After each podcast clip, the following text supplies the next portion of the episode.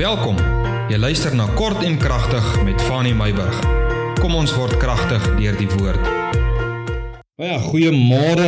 Ons het nog steeds vir Gideon in ons gedagtes. Ons is nog steeds besig met Gideon. Ons kan weke aanhou oor baie individuele lesse, gedagtes uit Gideon hierdie merkwaardige rigter wat God opgewek het. Vanmôre wil ek met jou gesels oor Gideon se eerste taak.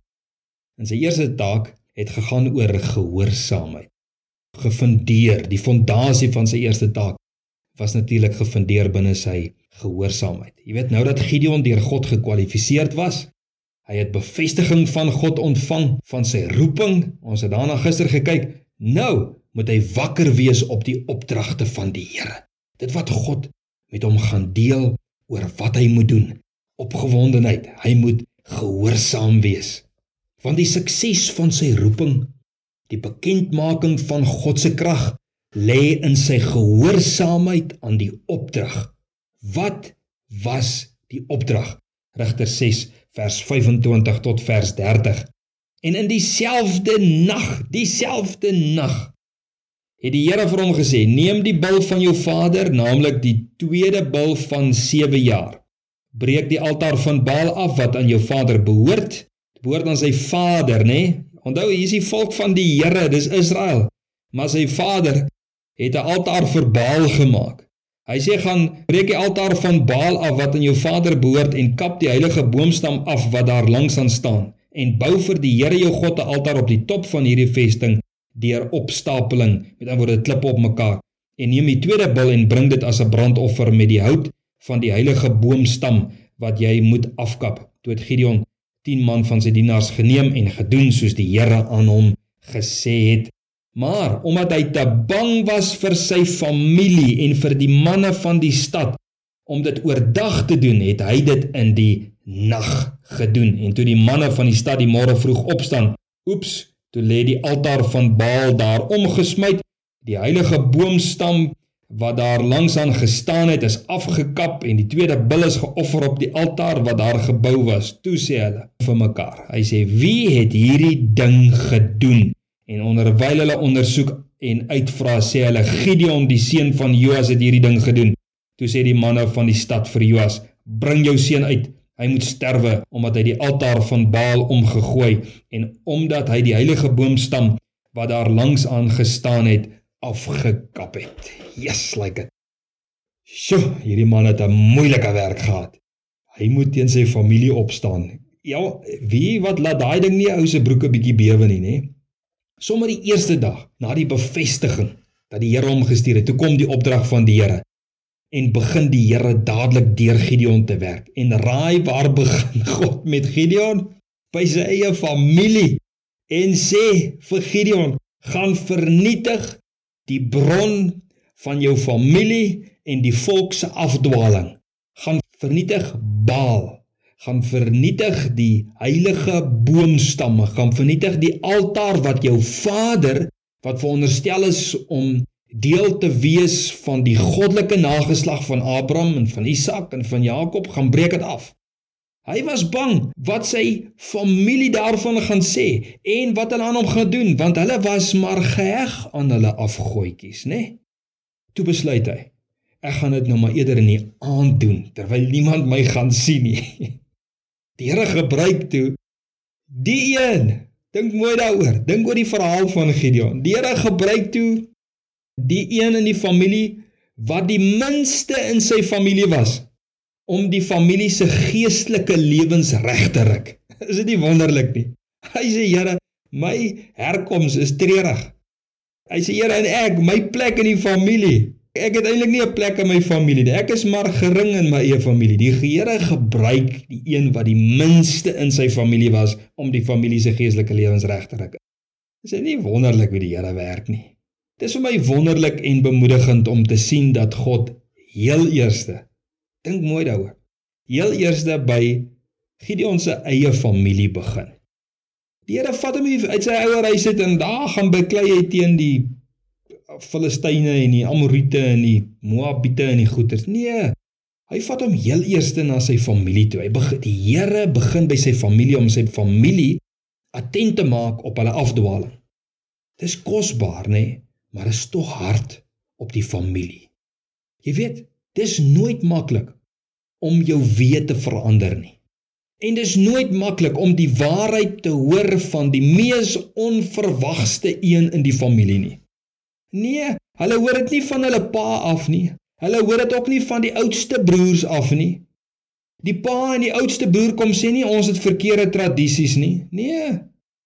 Die jongste seun, die een wat die minste geag word, hy kom en hy spreek die verkeerde tradisies aan. As die pa of die oudstes dit dalk gedoen het, dan was daar groter waarde en kredietwaardigheid aan hierdie aksies dalk gewees. Miskien. Hulle sou dit beter ingesien het want pa het gepraat. Jy verstaan die gedagte, jy hoor wat ek probeer sê, maar nie kleinboet nie. Dit het pas nie in die prentjie nie. En was hulle nie kwaad vir hierdie Gideon nie? Was hulle nou nie kwaad vir hierdie jongste familielid wat die verkeerde tradisies van die familie kom omgooi en afkap het nie? Jy moet weet. En dit wil ek nou vir jou in hoofletters vandag sê. Onthou ons gaan Nuwe Testament. Ons kan nie in die Ou Testament bly nie. Jy moet weet.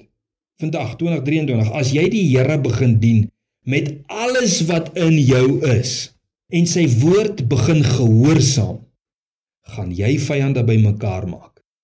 En die ergste vyande gaan uit jou eie familie kom. Jy moet dit weet. Hoekom sê ek so? Is dit die norm? Nee, is dalk nie altyd die norm nie.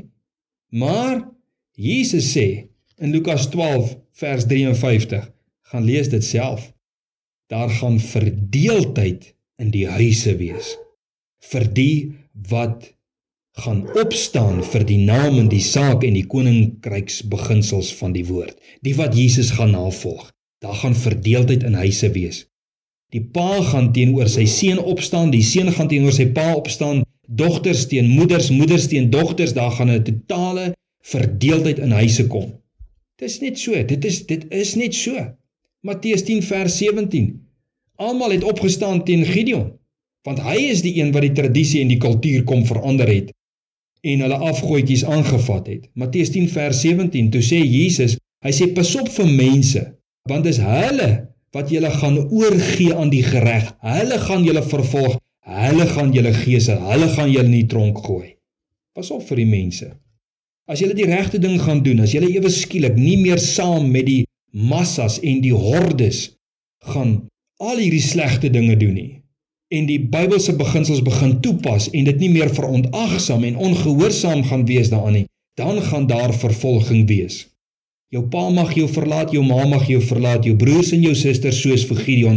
Gideon moes gehol het vir sy lewe. Van wie af? Van sy familie af eerste. Jy weet wat? Gideon het geweet hy pluk vir homself 'n lat as hy God gaan gehoorsaam. En dalk, net dalk, was dit die rede hoekom hy verskonings gehad het en hoekom hy dubbel wou seker maak dat dit wel God is wat met hom praat. Hy het geweet hier's 'n moontlikheid dat hy sy pa gaan verloor, sy ma gaan verloor, sy broers, sy susters, die mense vir wie hy lief is en wat kosbaar is vir hom.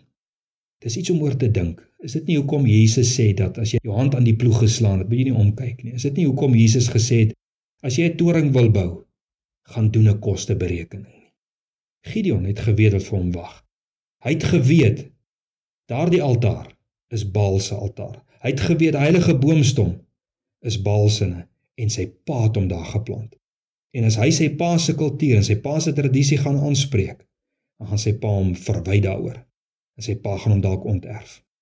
Jy weet hierdie eerste taak wat hy aangehoorsaam was, wat baie keer die moeilikste taak is, die een teen jou familie. Het dit hom tog waardigheid in die hemel gegee om groter dinge aan te vat en groter dinge vir die Here te doen en meer sensitief vir die stem van die Here te wees. En dit lees ons in die verdere verhale van Gideon. Daar is niks in die Gideon verhaal wat anders is as die disippels verhaal nie. En dit het ek aan jou verduidelik. Die evangelie is in Gideon se lewe so duidelik sigbaar. Soos ons gister mos ook gesien het, nê. En uit hierdie man se lewe is daar waardevolle lesse wat ons kan leer. Dit is hoekom Jesus gesê het dat hy het nie gekom om in my woorde die Ou Testament ontlaar te maak nie. Maar hy het gekom om die Ou Testament te kom vervul. Dit is hoekom ons Gideon se lewe kan toepas in ons disipel lewe in vandag se tyd.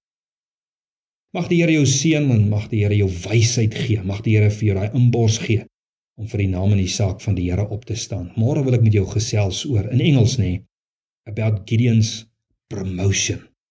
Nou toe, ons gesels môre verder.